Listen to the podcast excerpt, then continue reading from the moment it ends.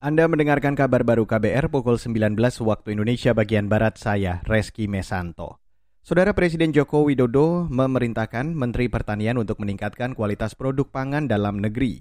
Menurut Menteri Pertanian Syahrul Yasin Limpo, peningkatan kualitas produk pangan dalam negeri dimaksudkan agar memiliki daya saing di pasar untuk melakukan upaya-upaya peningkatan produksi dari hulu, budidaya, pasca panen, sampai dengan off-taker atau marketnya terkait dari varietas yang akan dipakai, lahan intensifikasi dan ekstensifikasi harus dilakukan maksimal, dikawal paskanya melalui dryer, melalui shallow dryer, dan lain-lain sebagainya, sehingga tentu saja toksin dan lain-lain bisa dikurangi, sehingga kadar air dari di atas 20 bisa kadar air 14, sehingga sangat layak untuk di market atau diindustrikan.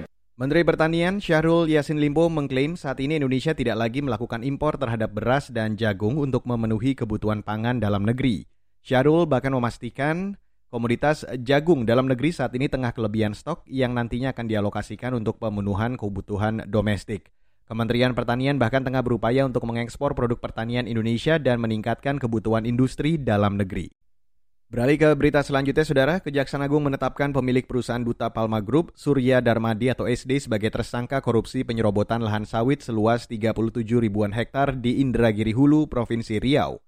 Jaksa Agung Sanitiar Burhanuddin mengatakan tersangka SD melakukan pelepasan kawasan hutan dari Kementerian Perhutanan tanpa izin.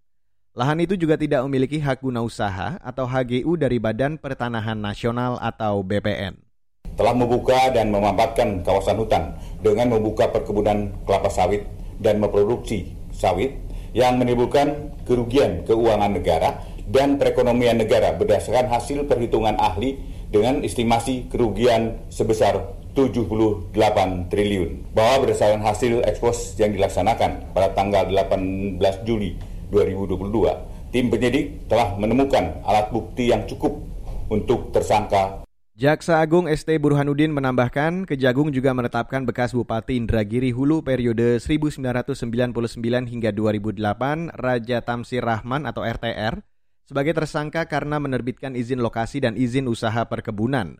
RTR dikenakan pasal di Undang-Undang Pemberantasan Tindak Pidana Korupsi, sementara Surya Darmadi disangkakan melanggar Undang-Undang tentang Pemberantasan Tindak Pidana Pencucian Uang. Saudara PT Pertamina Patraniaga menegaskan pemberlakuan pembatasan BBM bersubsidi belum berlaku hari ini. Sekretaris perusahaan PT Pertamina Patraniaga, Irto Ginting mengatakan, Pertamina masih menunggu arahan pemerintah terkait implementasi peraturan presiden pembatasan bahan bakar minyak atau BBM subsidi. Pertamina mengklaim terus melakukan persiapan infrastruktur termasuk uji coba pembelian BBM bersubsidi via aplikasi My Pertamina per tanggal 31 Juli kemarin uh, sudah ada sekitar 405 ribu ya itu di atas 400 ribu ya untuk pendaftaran. Kita juga menyiapkan infrastruktur-infrastruktur untuk pelaksanaannya, di antara nanti untuk EDC yang membaca QR code itu juga sedang disiapkan bersama dengan uh, Telkom. Kita harapkan nanti pada saat implementasi bisa apa namanya sudah siap. Sekretaris Perusahaan PT Pertamina Patraniaga Irto Ginting menambahkan selama uji coba My Pertamina pada 1 Juli lalu, Pertamina menemukan kendala seperti ketidaksesuaian antara nomor polisi di surat tanda nomor kendaraan atau STNK dengan nomor polisi di kendaraan saat proses verifikasi.